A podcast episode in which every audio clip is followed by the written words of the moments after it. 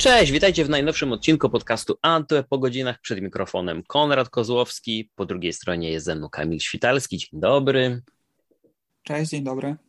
No i taki duet prawdopodobnie już zdradza wam, o czym będziemy rozmawiać, jeśli nie przeczytaliście tytułu tego odcinka albo jakiegokolwiek um, opisu dotyczącego e, dzisiejszej rozmowy. Oczywiście skupiamy się na najnowszych produktach Apple z ostatniej konferencji, ale pierwszej w tym roku. E, ta wiosenna konferencja jest taka, znaczy wczesno wiosenna konferencja jest taka dosyć spokojna, e, bo tak naprawdę, gdy skupimy się na tych produktach najbardziej przykuwających uwagę, czyli iPhone'ach, no to tutaj czekamy do, do jesieni oczywiście, chociaż e, na pewno będą osoby, które się ze mną nie zgodzą, bo gdy e, weźmiemy pod uwagę znaczenie dla, mm, dla wielu osób w konkretnych branżach, no to tutaj nowy procesor, nowy Mac Studio czy nowy ekran na pewno są na tyle ekscytującymi nowościami, że mogą się obrazić i prawdopodobnie już wyłączyły w ogóle ten odcinek, ale, ale uprzedzam. Tak, ta, ta, ta podwójna moja opinia właśnie w ten sposób się rozłożyła.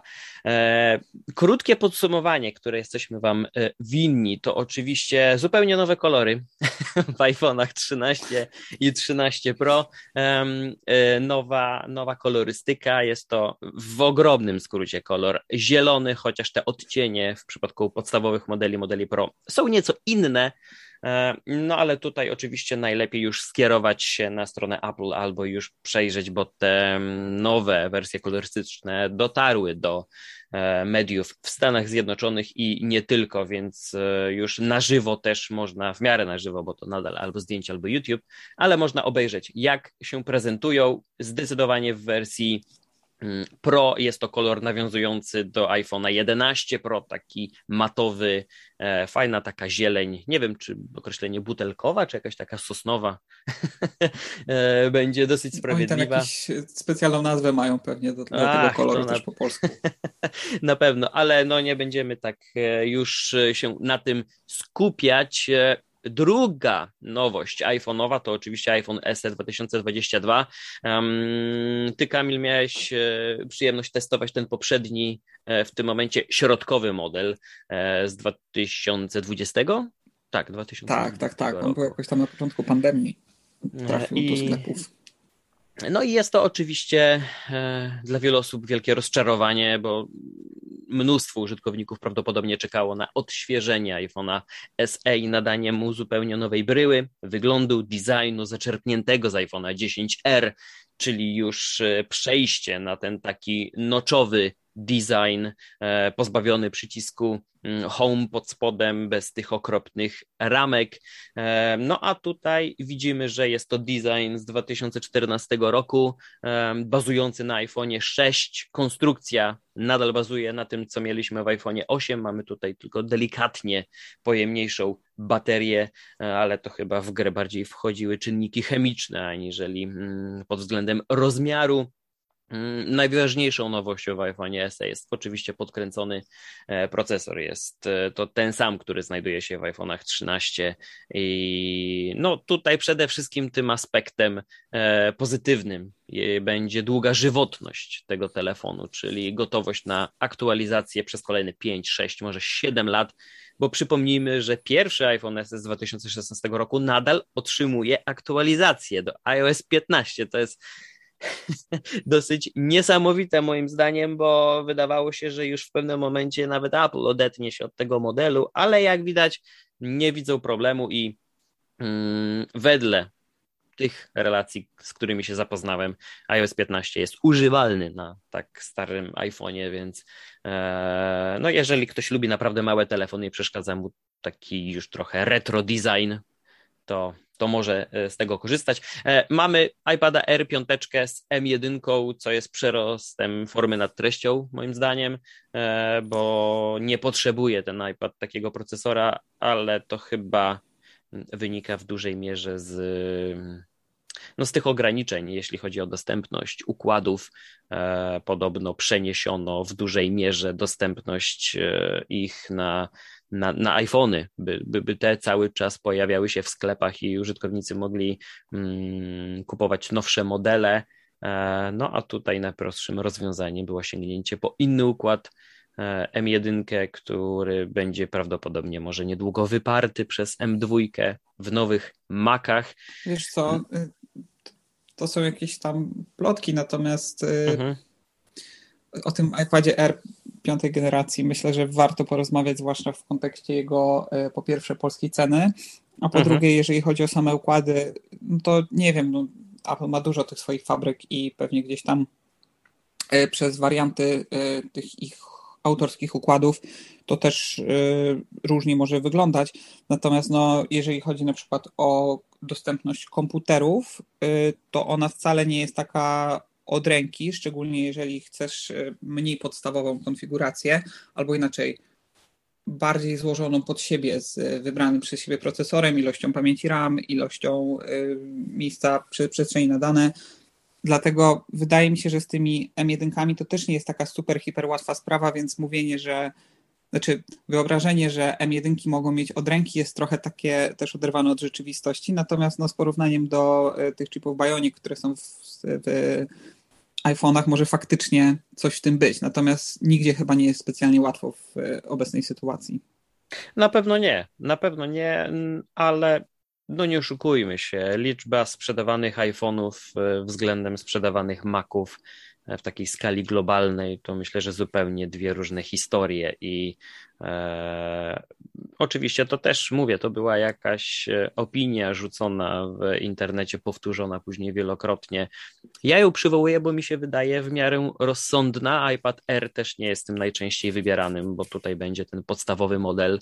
iPady Pro ze względu na cenę e, w dużej mierze trafiają do osób, które w pierwszej kolejności mogą sobie na niego pozwolić, później do tych, którzy no, widzą w, prawdopodobnie w nim e, urządzenie mogące zastąpić laptopa, więc ten wydatek jest w jakimś stopniu uzasadniony. Mm, natomiast e, no, tutaj ten, ten M1, może też z drugiej strony jest to taki sygnał, który e, ma, dam, ma nam dać znać, że z tym iPadem R5 zostaniemy na nieco dłużej. Zapewnili mu po prostu odpowiednią wydajność, moc na kolejne 4, 3 lata. Eee, no cholera wie, co tak naprawdę z tym iPadem R, bo, no, bo tutaj tak naprawdę nie widzimy też jakiejś większej perspektywy w kontekście aktualizacji um, designu. No, przeniesienie Face ID sprawiłoby, że przecież e, byłby, no, stałby na równi z Pro. Oczywiście tutaj tym, tym naj, naj, największą różnicą pozostaje ekran, no ale mimo wszystko zbliżyłoby go w takim stopniu do, do iPada Pro, że ta różnica byłaby już marginalna dla wielu osób. I, a cenowo, tak jak wspomniałeś, i myślę, że tutaj też będziesz chciał dodać co nieco, e, no cenowo ten iPad R niby zaczyna się od tych tam około 3000, ale nie wiem, czy ktoś by taki model wybrał.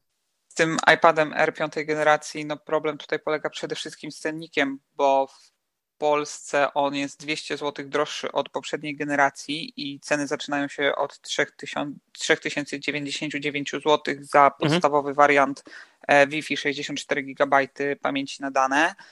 E, w Stanach cena pozostała niezmienna, ale inaczej został po prostu przeliczony dolar, co jest o tyle zabawne, że w przypadku komputerów 2000 dolarów e, to wciąż jest 10 800 zł, więc w przypadku iPada ten przelicznik walutowy się zmienił, natomiast w przypadku y, komputerów nie. To dziwne podejście, no ale jak tam sobie uważają. Natomiast y, no problem polega na tym, że teraz rozrzut cenowy między iPadem R 5 generacji a iPadem Pro z procesorem M1, czyli tym zeszłorocznym, mm, potrafi być naprawdę stosunkowo niewielki, bo te iPady Pro wielokrotnie już były w promocjach za 3600 zł, czy nawet 3500 zł można było go kupić, więc różnica w cenie jest niewielka, bo to jest raptem powiedzmy 500 zł, y, jako że ten sprzęt już jest prawie rok na rynku, to można też liczyć na jakieś y, promocje.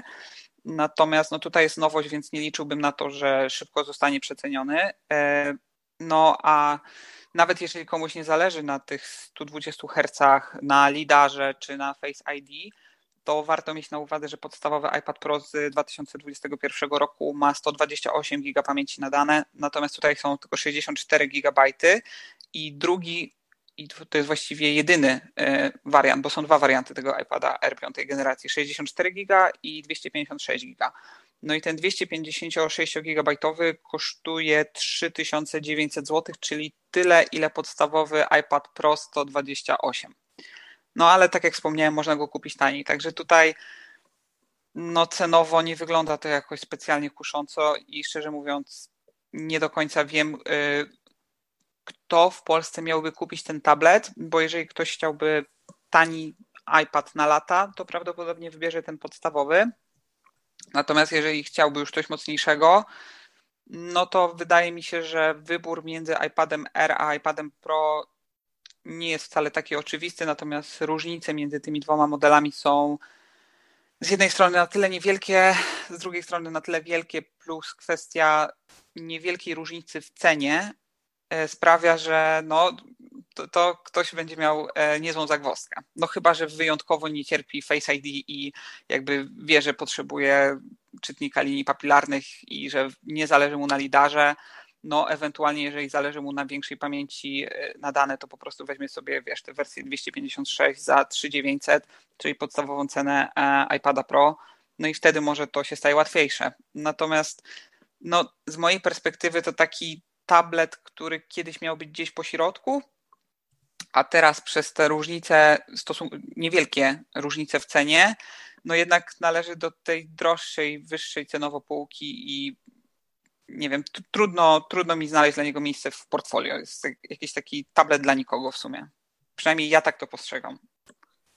Wiesz co, ja nawet sobie teraz na szybko sprawdziłem, ile wyniósłby mnie pożądany e, wariant obydwu iPadów. I w przypadku iPada R, e, gdzie wybrałem sobie 256 giga, no na wszelki wypadek przy 64, gdy uznamy, że faktycznie będziemy tego iPada wykorzystywać um, no i do rozrywki, i do jakichś zadań, obowiązków e, z pracy, e, szczególnie gdy ktoś pracuje w jakimś stopniu z mediami, e, no to ta, ta, ta przestrzeń na pewno się bardzo szybko mm, zapełni i 256 wydaje się tym rzeczywiście nominalnym kierunkiem.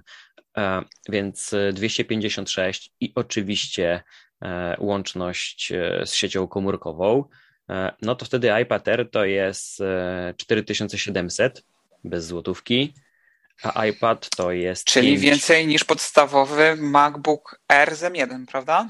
Do tego z chwilę dojdziemy.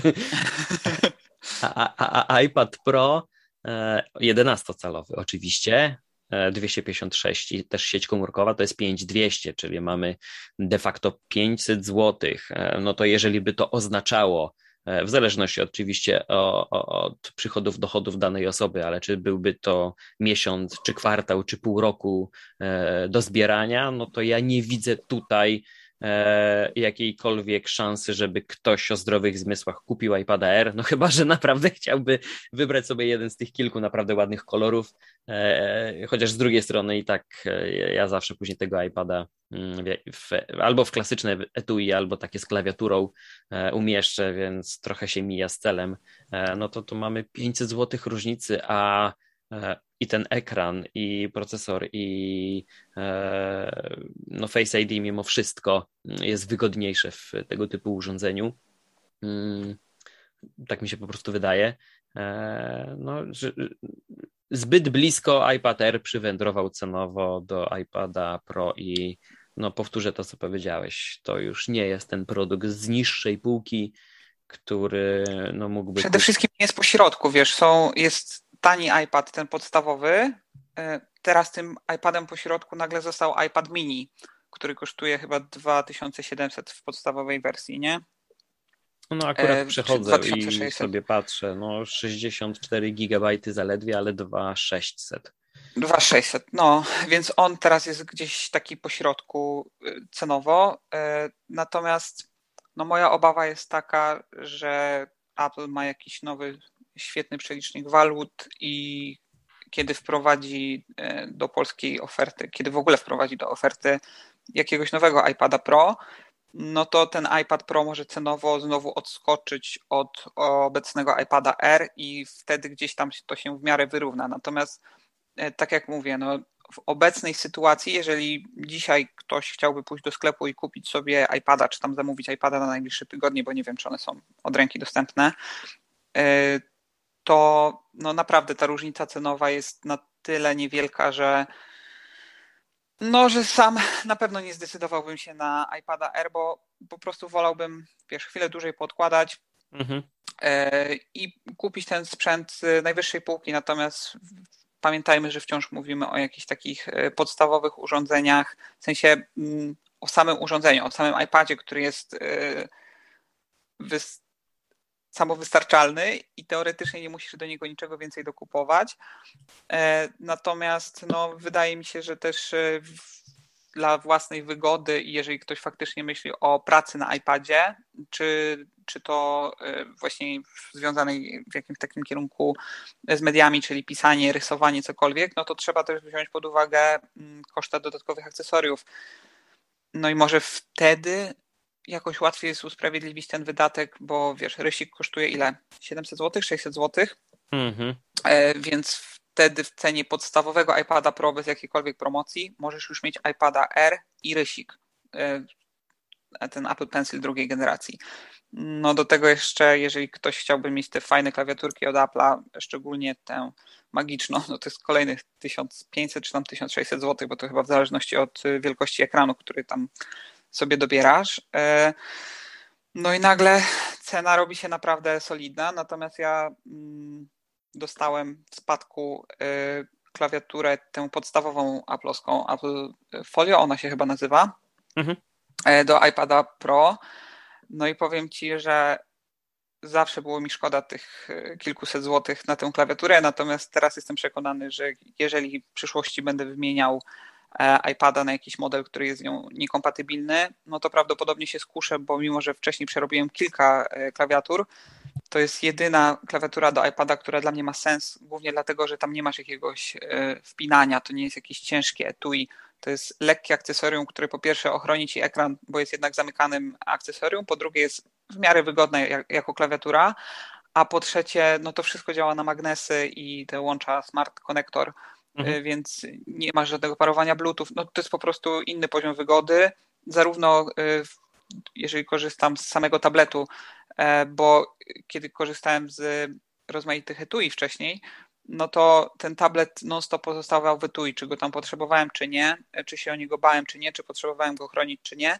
Natomiast teraz jak on jest na magnesy, a nie na żadne konstrukcje plastikowe, gumowe, czy cokolwiek wpinane, to po prostu wiesz, kiedy chcę coś przeczytać i zależy mi na tym, żeby iPad był po prostu lżejszy, no to, to jest dosłownie sekunda, żeby go, wiesz, e, odpiąć z tych magnesów. Także no, ceny zaporowe, natomiast rozumiem, dlaczego, dlaczego warto zapłacić, dlaczego warto dopłacić i wydaje mi się, że żadna firma produkująca akcesoria mm, z zewnątrz nie ma takich, e, takich klawiatur. No chyba, że coś tam się zmieniło w ostatnich tygodniach, przynajmniej ja kiedyś jak szukałem w jakichś takich rozsądnych e, widełkach cenowych to niczego nie znalazłem. Wiesz co, ja y, teraz jestem posiadaczem iPada R trzeciej generacji. Y, to już taki miał nieco większy ekran. Y, no taki odpowiednik jednego z tych iPadów Pro 10,5 cala, jeszcze z przyciskiem Home mm, w takim klasycznym designie i i do niego Logitech przygotował mega klawiaturkę, która też jest e, w innych wariantach kompatybilna z, tymi podstawowymi iPadami, ale także z tymi iPadami e, Pro najnowszymi, e, bez ramek z Face ID. I, i, i no, to co prawda zamienia trochę iPada w takiego Surface'a z podstawką z tyłu no bo inaczej tego nie mogli sobie w jakiś sposób tam rozwiązać, ale korzysta ze smart e, konektora, więc też nie ma e, żmudnego procesu parowania tego pierwszego, ale to nawet nie jest przeszkodą, a raczej kwestia tego ponownego łączenia za każdym razem, gdy chcemy skorzystać e, z klawiatury. Ja to przerabiałem w przypadku podstawowego iPada, już nie pamiętam czy siódmej, czy, czy ósmej generacji gdzie na Bluetooth miałem klawiaturkę i no to jest troszkę irytujące, gdy iPad stoi na biurku gotowy do korzystania. Chcesz na szybko odpisać na maila albo na wiadomość, e, no bo wygodniej ci przy biurku niż sięganie po telefon, szczególnie gdy wiadomość będzie troszkę dłuższa i za każdym razem czekanie, aż to połączenie zostanie ustanowione. To trochę denerwuje, a tak zakręcając trochę w e, kierunku cen i żeby w miarę płynnie przejść do, do Maców, no to rzeczywiście, gdy weźmiemy pod uwagę ten wariant, o którym ja mówiłem, iPada Pro za 5200 zł i do tego doliczymy rysik warty 619 zł i klawiaturę, a nieważne, czy Apple'a, czy Logitecha, e, na którą trzeba przygotować od 800 do, do, do 1000 zł, no to powstaje nam... Chyba trochę więcej. Albo nawet więcej, no to nam powstaje kwota w okolicach tam siedmiu, prawie może ośmiu tysięcy e, złotych za taki zestaw, który będzie próbował być laptopem, ale w wielu sytuacjach nim nie będzie. Oczywiście w innych obszarach będzie nie do zastąpienia, no bo współpraca z rysikiem i obsługa dotykowa e, w Macach jest e, zupełnie niedostępna, no ale nawet w tych podstawowych takich czynnościach pracy na plikach to nadal nie jest tak intuicyjne, tak wygodne, komfortowe jak, jak na Macu, a ja nadal obserwuję, jak wygląda e, ta sytuacja na rynku MacBooków e, z M1. Tutaj mowa o Erze i o Pro. E, Pro z touch barem nadal jest dostępny, nie został w żaden sposób zmieniony. R też się nie zmienił, chociaż tutaj wiele osób liczyło, że już się pojawi ten odświeżony wariant kolorowy, taki odpowiednik iMac'a 24-calowego, gdzie 1700, bo właśnie mi wysłałeś, matko, ale to nie jest do, 2, do, do 12,9. 1700 zł klawiaturka kosztuje do 12,9 cala. Aha, w takim razie ta strona, no ale to wciąż jest 1500 przełączyłem, przełączyłem na 11 cali i jest 1500, więc no dobra. E, ale na głównej stronie e, Apple'a, w sensie na, e, w Apple mhm. Store jest widnieje cena 1699 zł, natomiast e, opis produktu jest klawiatura Magic Keyboard dla iPada Pro 11 cali trzeciej generacji i iPada R piątej generacji. I dopiero jak wejdziesz, to faktycznie możesz e, widzisz, że to jest 12,9 cala i jak zmienisz, to jest 11 cali. No ale to jest wciąż 1500 zł. Wiesz, no te, te klawiatury są już od dwóch lat na rynku, więc zakładam, że też można je gdzieś tam było albo będzie w, nie, w niedalekiej przyszłości ustrzelić taniej.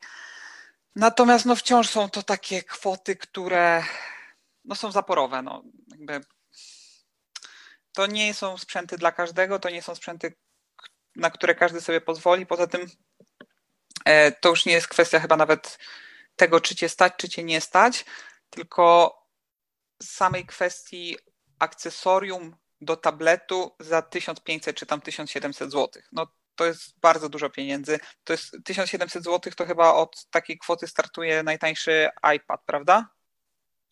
No tak, i tutaj ja też oprócz tego montowania, e, o którym wspomniałeś, magnetycznego, no to ta klawiatura nie ma do zaoferowania nic więcej tak naprawdę, aniżeli odpowiedniki od innych firm, no bo też mamy w innych modelach podświetlenie klawiatury, mamy też e, gładzik, który obsługuje gesty, więc e, no jest to dość e, Apple'owe podejście tutaj z tą ceną. Bardzo. I prawdę mówiąc, no Oczywiście, e, to tak jak powiedziałeś, po zakupie bardzo dużo osób, e, bo zapoznałem się z wieloma materiałami na temat tej klawiatury mm, niedługo po premierze.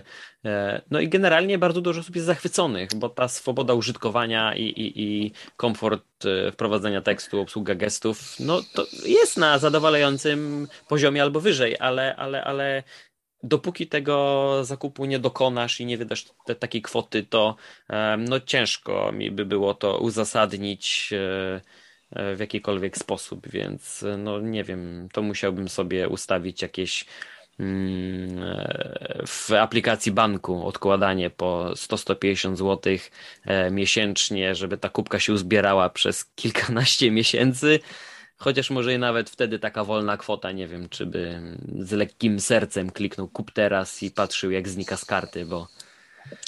No ja ci powiem, że nie. Dlatego, w sensie ja, przynajmniej y, z mojej takiej subiektywnej perspektywy, no y, korzystam z iPada bardzo dużo. Właściwie po pracy już nie siadam do komputera od kiedy kupiłem iPada, czyli od blisko dwóch lat.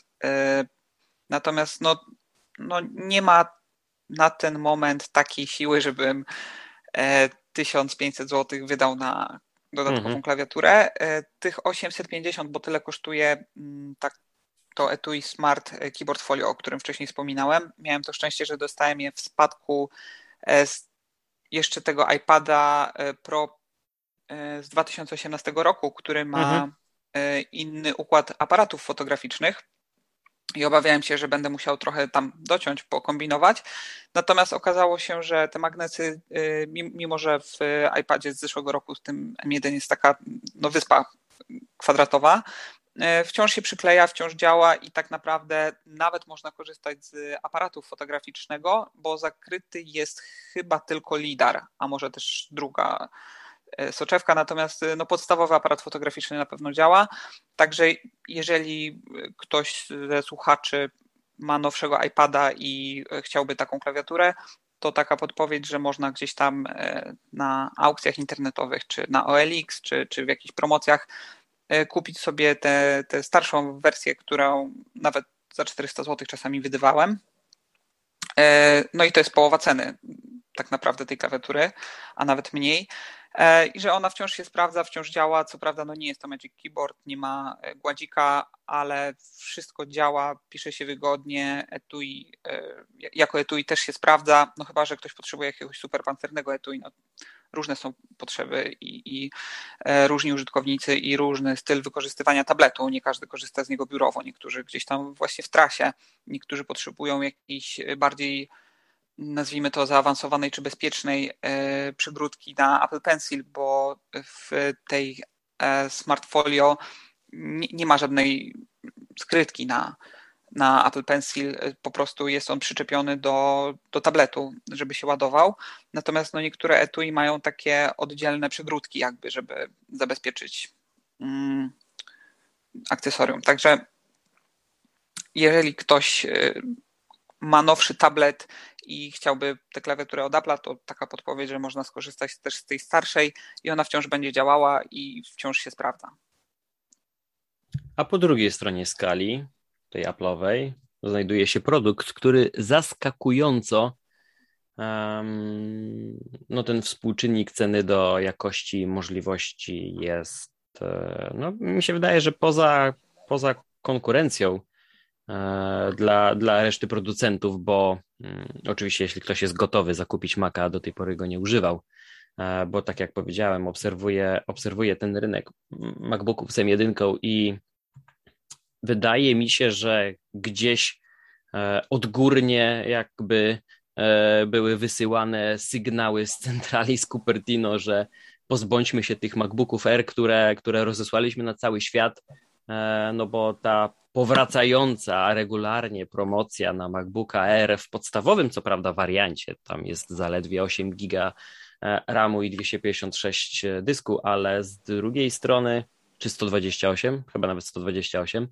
Mm, no ale to jest wydatek 3999 zł e, i za te pieniądze mamy sprzęt, który będzie śmigał po prostu w tych podstawowych, codziennych zadaniach. Nie zauważymy ani przez chwilę jakichkolwiek problemów e, z wydajnością. Bateria do podstawowych zadań to jest kilkanaście godzin E, I mamy, mamy ekran Retina, mamy całkiem niezłe głośniki, mamy fajną klawiaturę. W erze nie ma touchbara.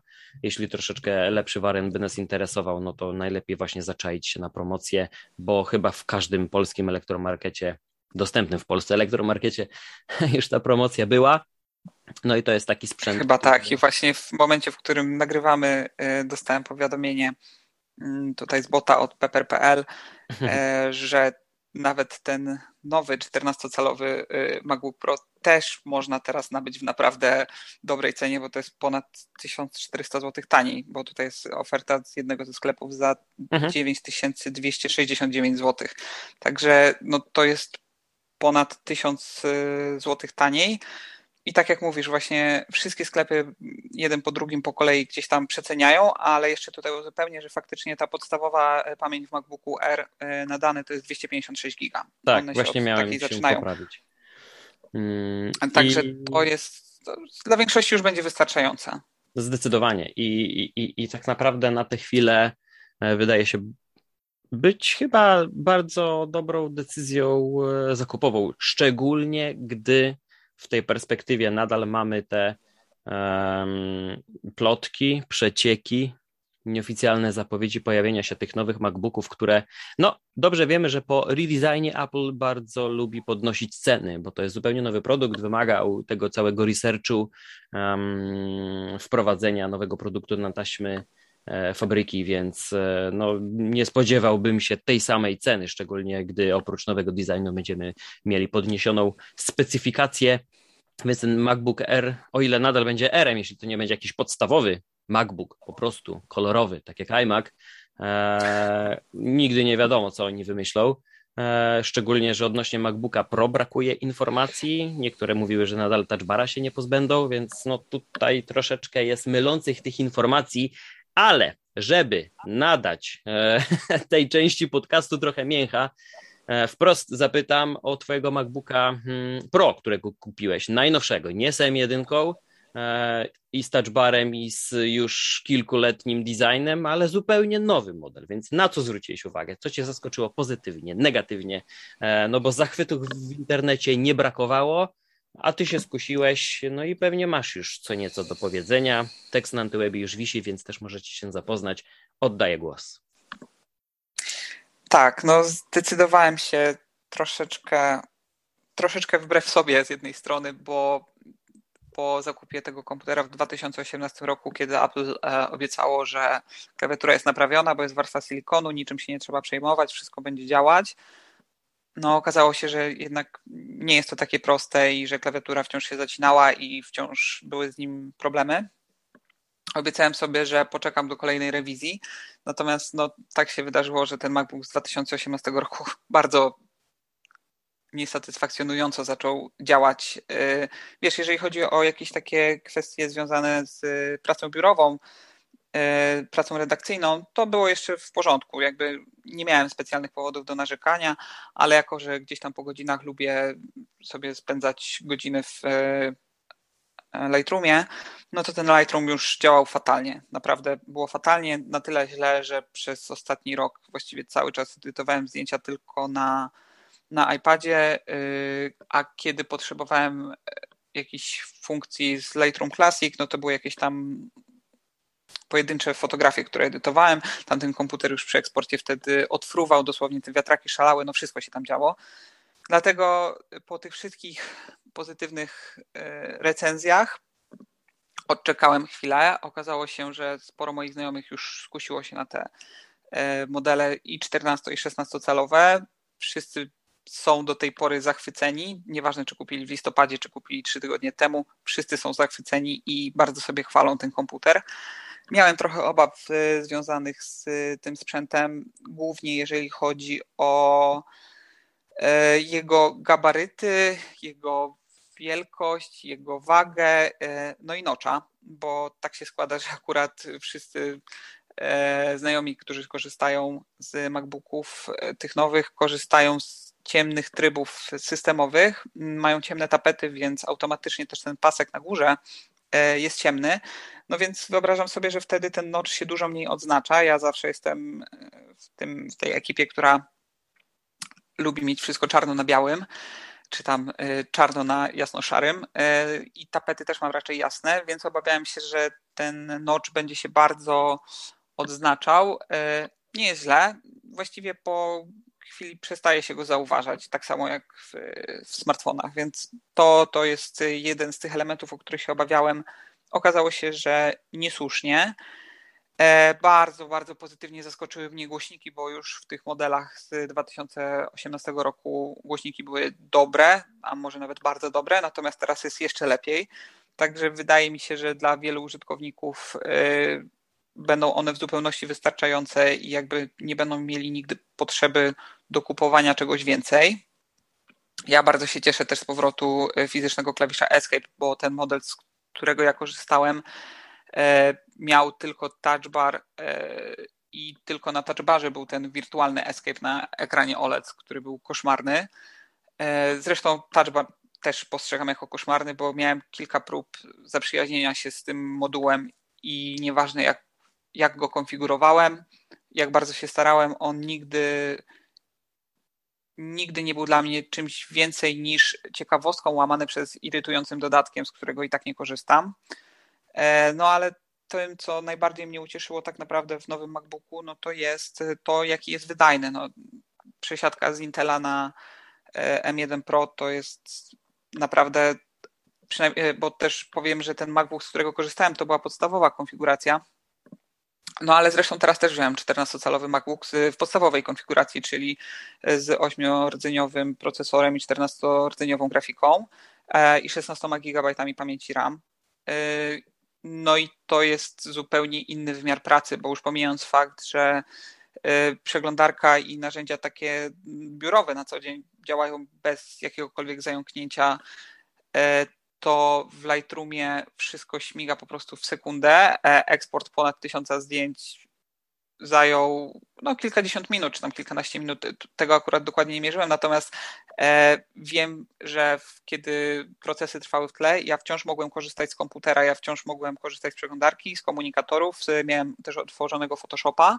E, nic nie lagowało, wszystko działo się w tle e, i sama kultura pracy tego komputera Włączył się co prawda wentylator już wtedy, e, natomiast on był na tyle cichy, e, a sama konstrukcja pozostawała na tyle letnia, on się nawet nie rozgrzał ten komputer. Bardzo pozytywnie mnie to zaskoczyło i no cóż, powiem, że jestem bardzo, bardzo zadowolony z zakupu, przynajmniej póki co. Nie chcę zapeszać, no bo wiadomo, po jakimś czasie mogą wyjść jakieś wady, których, które wcześniej nie dawały o sobie znać, e, ale też powiem o rzeczach, które miały być fajne, a fajne może będą po jakimś czasie. Na tę chwilę na przykład monitor nie robi na mnie, e, w sensie ekran, e, nie robi na mnie jakiegoś super, hiper fajnego wrażenia, bo owszem, ten jeden cal, no niespełna w sumie jeden cal różnicy jest fajny, bo tego miejsca na ekranie jest więcej.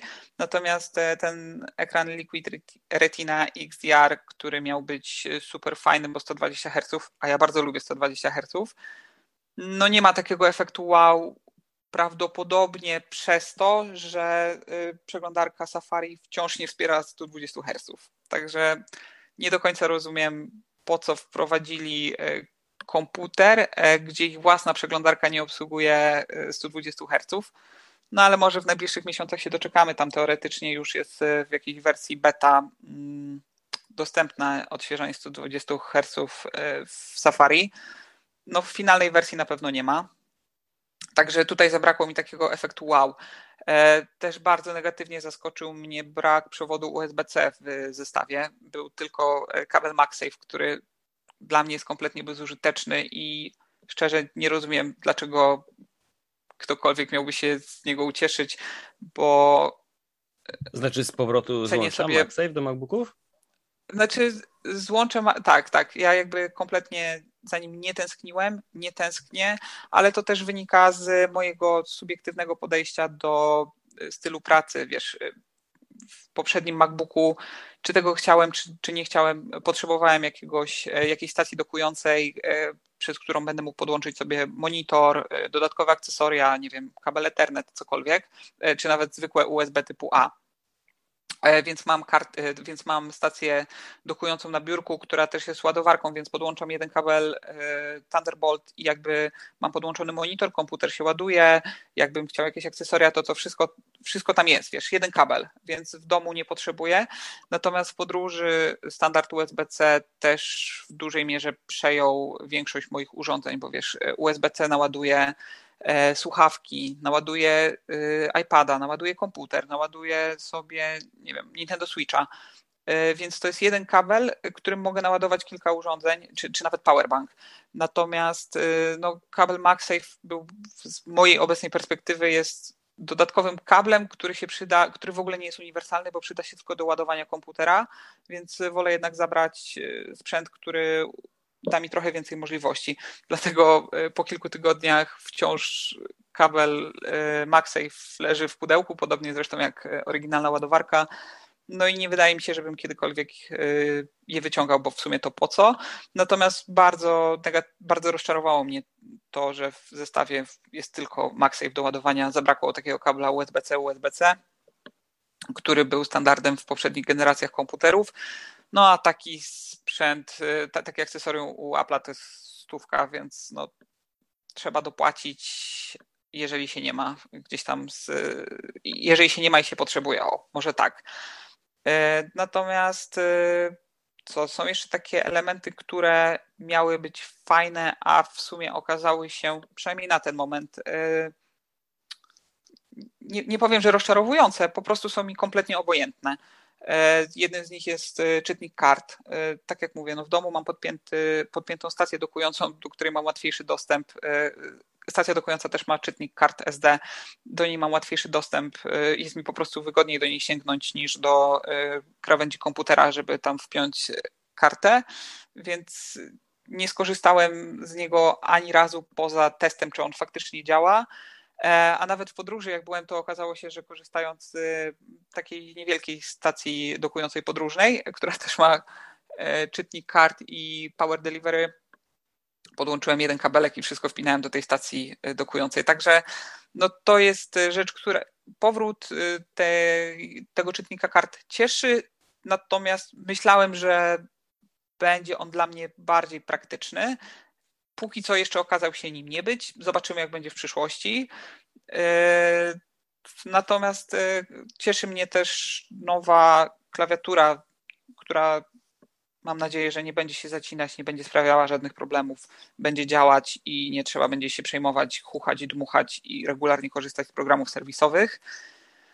E, no i bateria. Bateria to jest coś, co po prostu mnie zmiotło, bo ja wiem, że producenci obiecują różne cuda na kiju, natomiast no tutaj e, naprawdę kilkanaście godzin e, bez ładowarki przy takiej zwykłej pracy mojej czasem okazjonalny Photoshop, okazjonalny Lightroom, przeglądarka, Slack, jakieś tam komunikatory inne dodatkowe. E, on naprawdę jest w stanie działać przez kilkanaście godzin. No, ja doliczyłem się około 13-14 godzin na jednym ładowaniu. Także no, dla mnie to jest fantastyczny wynik e, i przyznam szczerze, że przy takich jedno-dwudniowych wyjazdach to właściwie w ogóle nie trzeba brać żadnej ładowarki, więc może dlatego brak tego USB-C. Nie wiem.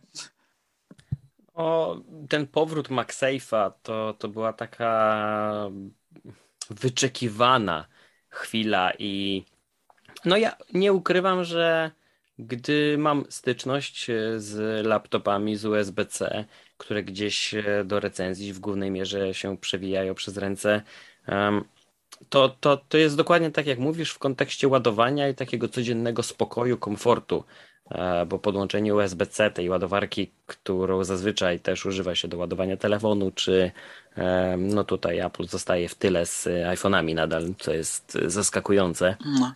Mm, no ale iPad już jest. Ale dla nich bardzo opłacalne. No, zdecydowanie. Mamy też iPada R, no i przecież mini przeskoczył też na USB-C. Więc y, oprócz tego podstawowego iPada, już cały line-up y, iPadów też korzysta z USB-C. Y, ale z drugiej strony, gdy ja sobie przypominam y, wygodę stosowania tego MagSafe'a mm, w poprzednim MacBooku R, E, jeszcze ten klasyczny z szerokimi ramkami, srebrny, e, tam okolice 2015 roku czy 16 chyba się kończył jakiś okres produkcyjny. Jakoś tak. No mhm.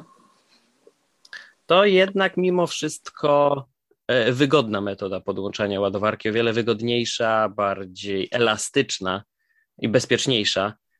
Więc mi się wydaje, że po prostu dopóki mamy ten wybór, że można korzystać E, oczywiście, że ten wariant, o którym wspomniałeś, żeby w pudełku otrzymać cały zestaw okablowania byłby e, mile widziany, no ale z drugiej strony mm, ten przewodzik MagSafe to też już nie jest to, co mieliśmy kiedyś, te bardzo mm, smukłe i nieodporne na zabrudzenia i zniszczenia kable. Gdy ja patrzę na swoją ładowarkę do MacBooka R, tego poprzedniego, no to z przykrością muszę stwierdzić, że po prostu już tego brudu, zżółknięcia, no nie da się uniknąć, nawet jeśli e, dbasz o ten e, przewodzik i nie wiem, nawet będziesz chciał go przemyć, e, no to to i tak później gdzieś w podróży, gdzieś w drodze, szczególnie gdy jeszcze był ten okres kilku lat mojej pracy zdalnej na wyjazdach, na konferencjach, na wywiadach, na pokazach, no nie da się tego uniknąć. E, i wygląda makabrycznie, więc e, a chyba nie mylę się, jeśli powiem, że przecież ten ładowarka dołączana do nowych MacBooków 14-16, e, czy ten przewód nie jest wyciągany z brika, z tej głównej ładowarki? Jest, jest, jest, oczywiście, że jest, no bo jest USB-C do... No to tylko kabelek, to tylko do... kabelek w takim razie. Tak, tak, ale też warto mieć na uwadze, to jest akurat rzecz, która... Mm, no, mnie nie obeszła, bo wiedziałem, że nie będę korzystał z tej ładowarki, która jest w zestawie, bo mam e, w domu właśnie korzystam ze stacji dokującej, natomiast poza domem e, mam uniwersalną ładowarkę 100-watową na kilka gniazd. Natomiast e, w podstawowej wersji MacBooka 14 cali jest zasilacz USB-C o mocy 67 watów. Natomiast jeżeli chce się 96 watów, to trzeba stówkę dopłacić. Co ciekawe, w 16 on już jest standardem i nawet w tym kapkę droższym, w cudzysłowie defaultowym e, mhm. modelu, nie, nie, nie zmodyfikowanym, tym z 10 rdzeniami e, CPU i 16 rdzeniami e, GPU, to ten 96W też już jest w standardzie.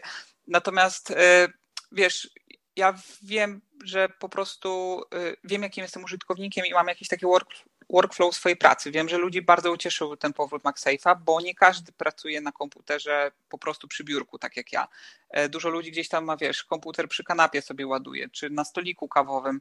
E, biegają dzieciaki, są zwierzaki, wiesz, łatwo zahaczyć, zrzucić, zniszczyć. Jakby rozumiem wszystkie plusy płynące z tego MagSafe'a, natomiast e, no, teraz przy właśnie 14 godzinach pracy na jednym ładowaniu też wydaje mi się to trochę odchodzić w niepamięć, bo pewnie większość użytkowników i tak przez lwią, czas, lwią część czasu e, po prostu nie będzie podłączała ładowarki. Natomiast no, tak jak mówię, ja tak subiektywnie chętnie zobaczyłbym tam e, jakieś inne złącze, bo z tego w ogóle nie korzystam. Ale okej, okay. E, od przybytku głowa nie boli, lepsze to niż gdyby mieli, wiesz, znowu ucinać porty i nagle zostalibyśmy z jednym portem USB-C, czy coś równie kuriozalnego, ja nie wiem na co jeszcze Apple stać. E, natomiast e, jest jeszcze jeden taki aspekt a propos tego nocza, e, że skoro już jest to wcięcie, no to fajnie byłoby tam jednak dać Face ID. Natomiast tutaj, jeżeli chodzi o to jest geometrię, no to wciąż zostaje czytnik. To... Tak, tak, jakby, zupełnie niezrozumiałe. Bo ta kamerka jest faktycznie dużo lepszej jakości, nie? Bo ona jest Full HD i no i po prostu jest, oferuje znacznie lepszą jakość, natomiast no fajniej byłoby tam widzieć jednak ten zestaw czujników i, i Face ID, które byłoby po prostu byłoby jakiekolwiek uzasadnienie dla tego, y, mhm. dla tego wcięcia, które jest ogromne, a w tym wcięciu, no nawet jak wiesz, przyjrzysz się pod światło tak z profilu, no to widać, że dosłownie po środku jest y, jedno oczko kamery tylko. Dlatego no takie y, dziwne podejście moim zdaniem. Natomiast tak jak mówię, no po kilku tygodniach, które spędziłem z komputerem, z przesiadki jestem bardzo zadowolony, tym bardziej, że wspominałem zresztą w artykule, że miałem możliwość e, kupienia komputera trochę taniej, e, a inne alternatywy, inne komputery po prostu, które rozważałem, no to, to też były laptopy, bo jednak zależało mi na tym, żeby to był komputer przenośny. Mm, no, wychodziły znacznie drożej. W sensie, wiesz, jakieś tam modele ThinkPadów, które by mnie interesowały, to tam startowały od 14-15 tysięcy w górę. Także nagle okazało się, że z y, modeli, które ja brałem pod uwagę, ten MacBook wyszedł naprawdę jakoś tak solidnie cenowo i jeżeli faktycznie ten sprzęt y, wytrwa próbę czasu, bo no, ten z 2018 nie mogę powiedzieć, żeby, żeby przetrwał próbę czasu. Dużo bardziej byłem zadowolony z zakupu mojego pierwszego MacBooka w 2011 albo 2012 roku. Tylko wiesz, to była jeszcze taka ogromna konstrukcja, której po 3 czy 4 latach yy, dodałem skrzydeł rozkręcając i wrzucając więcej RAMu, e, dysk mhm. SSD, bo on w standardzie miał jeszcze zwykły po prostu dysk talerzowy, także wiesz, jakby ten komputer e, zyskał wtedy drugie życie. No teraz musimy się zdecydować na to, co chcemy właściwie od razu, bo o rozbudowie można zapomnieć, wiesz, o ile możesz sobie jeszcze gdzieś tam e, wrzucić jakieś rozbudowy mm, podłączyć dyski zewnętrzne, o, to trudno to nazwać rozbudową, no teraz jak e, wrócił tyle... czytnik Pro i na tle Era i M1 Pro, to e, zawsze tą kartę też można wsunąć dosyć szybką i tak na stałe. Co właśnie teraz e, mnie zastanowiłeś, bo rozmawiałem ostatnio z naszym kolegą redakcyjnym Patrykiem, który mhm. mówił, że wiele osób bardzo narzeka na to, jak bardzo karty SD wystają z tego czytnika i właśnie teraz mi olśniło, że może narzekają właśnie dlatego, że przez to, że bardzo wystają, trudno jest już skorzystać z takich rozszerzeń pamięci, y, jak to miało właśnie miejsce w MacBookach Air przed laty, aż sprawdzę to po, po, po podcaście i to faktycznie może być powód, dla którego ludzie narzekają. Niemniej, no wiesz, ja też y, rozważałem zakup, y, bo Wiedziałem, że ten 8 e, łamane przez 14 rdzeni w zupełności mi wystarczy. 512 e, giga pamięci SSD w zupełności dla mnie ok, natomiast trochę się wahałem, czy nie wziąć sobie 32 GB RAMu. Natomiast czas oczekiwania na ten komputer to się ciągnął w bardzo długich tygodniach, bo wiesz, z kilku dni nagle robiło się kilka tygodni i to tak chyba powyżej pięciu. Także teraz widzę, że jest trochę lżej. Natomiast wiesz, oprócz tego, że za 16 GB trzeba było dodatkowych 16 GB czyli żeby było w sumie 32, trzeba było dopłacić 2000 mm, zł w takiej standardowej cenie bez jakichś tam zniżek i promocji, no to jeszcze trzeba było y, znacznie dłużej na to poczekać.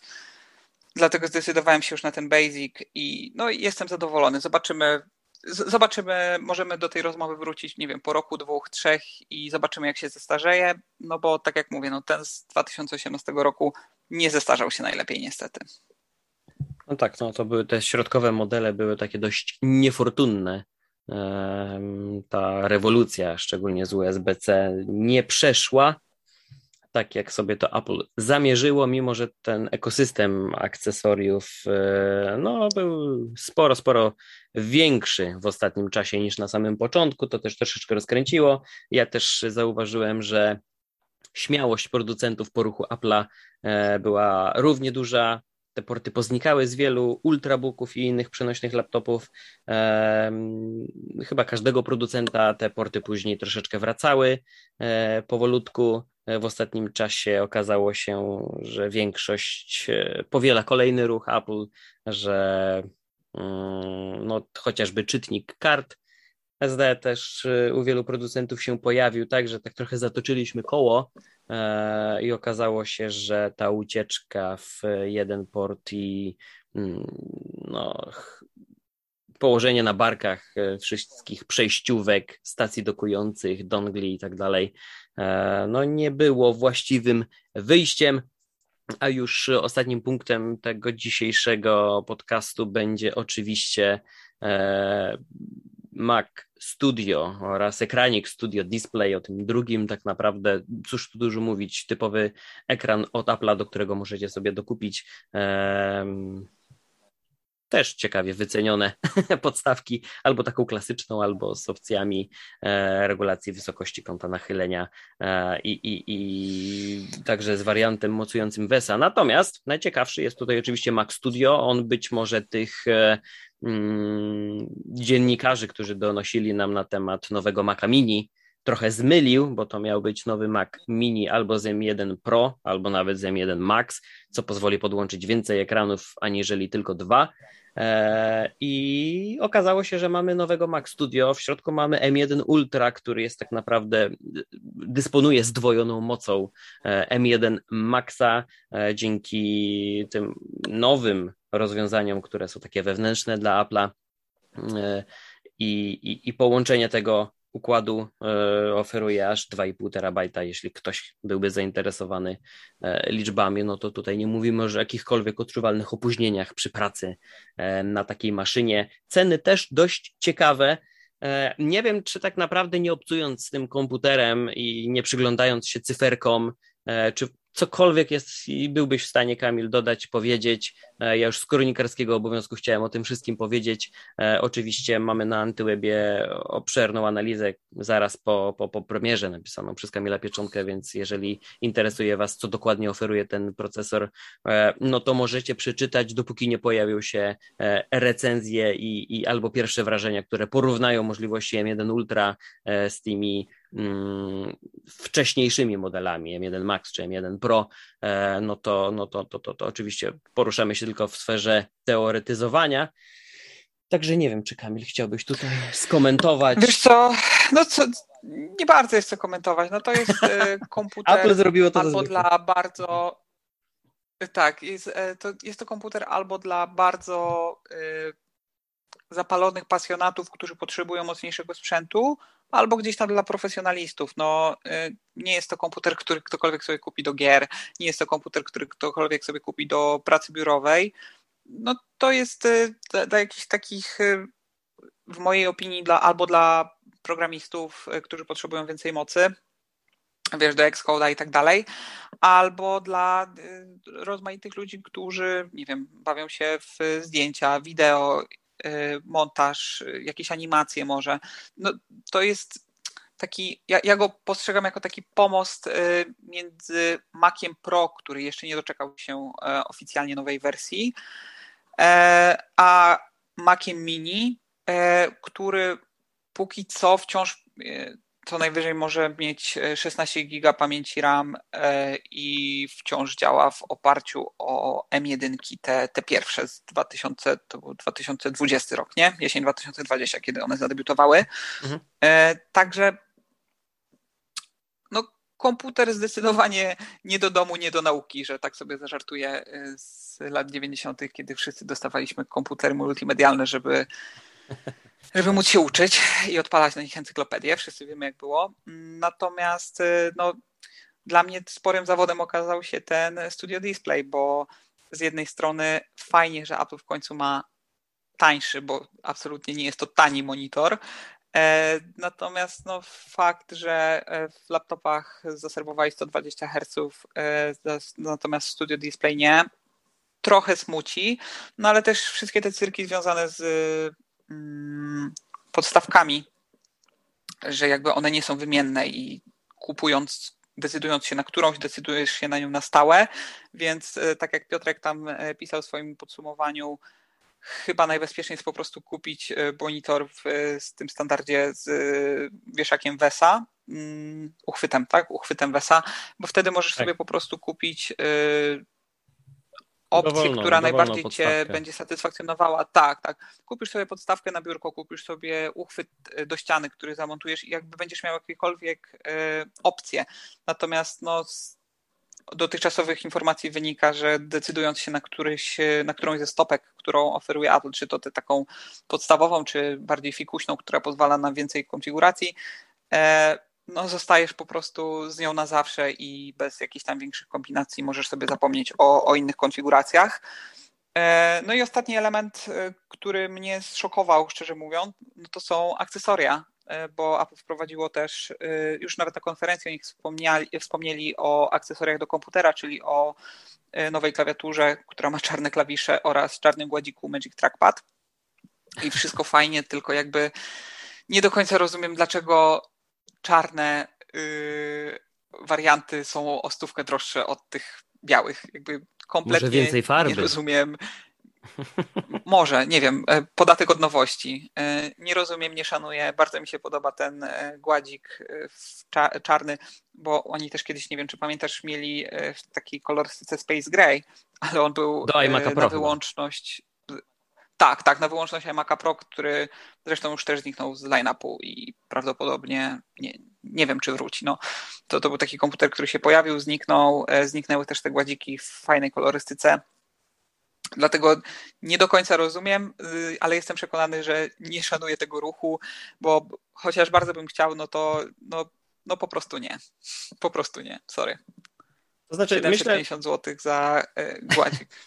No, no tak, znaczy e, myślę, że dobrym wnioskiem i też e, teraz tak mnie natchnęło po tym, co wszystkim powiedziałeś, e, myślę, że dobrym wnioskiem, być może nawet się szybko zgodzisz ze mną, jest, jest to, że jesteśmy nadal w tym okresie przejściowym, jeśli chodzi o, o, o ofertę Maców od Apple, bo myślę, że w tym momencie oczywiście, że ku komputerom z układami M1 czy, czy, czy, czy tym bardziej wydajnych e, odmianom, mm, jeśli ktoś się zwróci, e, to, to to jest ten kierunek, e, w którym idziemy w pierwszej kolejności e, ze względu na, na, na długi czas pracy na baterii i dużą wydajność, e, nawet z tymi aplikacjami, które nie są napisane pod, pod taką architekturę. Ale mimo wszystko, gdy teraz spojrzymy na tą ofertę, e, to wydaje mi się jeszcze nie, nie, nieuporządkowana, jeszcze nie nabrała kształtu. Nie wiadomo tak naprawdę trochę w jakim kierunku to, to, to, to zmierza, bo mamy Mac Studio, który pod względem wydajności, jeśli ktoś będzie się obracał w aplikacjach, które maksymalnie wykorzystają jego wydajność, no to ja nie wiem, jaki tutaj jest sens w takim razie zakupu e, Maca Pro, chyba że ktoś, ktoś korzysta z oprogramowania, które wymaga tej architektury Intela i e, tej możliwości skorzystania z tylu GPU i tylu złącz. E, chociaż z drugiej strony wokół Maca Studio też można już sobie rozbudować bardzo fajne stanowisko. Mamy tego MacBooka Pro z M1, który pozostał z e, touchbarem, mamy MacBooka R, który korzysta ze starego designu, e, mamy 24-calowego iMac'a, który zupełnie odbiega od całe, całego tego line-upu, jest kolorowy, jako jedyny w ofercie i, i, i z M1 w. No tak, ale to wiesz, to się jakby. To się jakby pokrywa z y, plotkami o tych MacBookach R, które teoretycznie mieliśmy zobaczyć już y, na zeszłotygodniowej konferencji, mhm. Y, że wie, że MacBooki R mają też być takie kolorowe, w tych samych kolorach, co, co te iMaki. Nie wiem, no dla mnie ta oferta jakby powoli się wzbogaca i Apple gdzieś tam próbuje robić porządek. Nie wyobrażam sobie, żeby ich jedynym komputerem na rynku all-in-one został podstawowy 24-calowy iMac.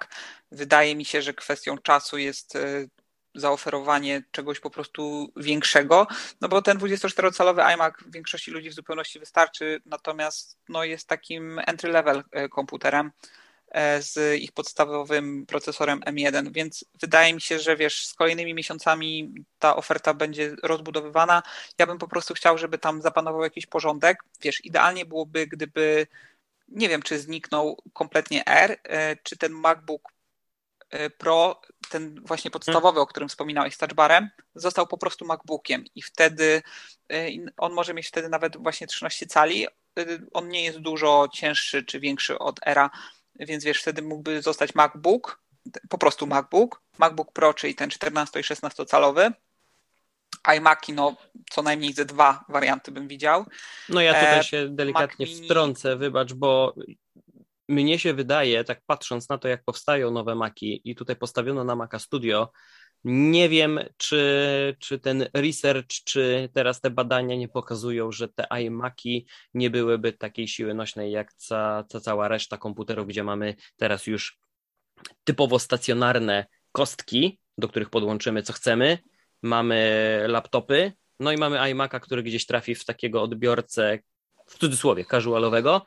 E, pytanie, czy te goszczące do tej pory gdzieś e, w lobby, w recepcjach, hotelach, w przychodniach i w wielu innych podobnych miejscach iMaki, e, czy, czy, czy, czy to w ogóle jeszcze, czy, czy tutaj jakieś zainteresowanie ze strony konsumentów będzie? Nie wiem, nie wiem. iMac Pro w takim razie. Słuchaj, no ja ci powiem szczerze, że nie kupiłbym iMac'a. Y, bardzo podoba mi się motyw komputera all-in-one. Y, mała ilość kabli, wiesz, teraz jeszcze jak masz akcesoriat podłączony bezprzewodowo, to już w ogóle jest wszystko idealnie, szczególnie jeżeli cenisz sobie minimalizm.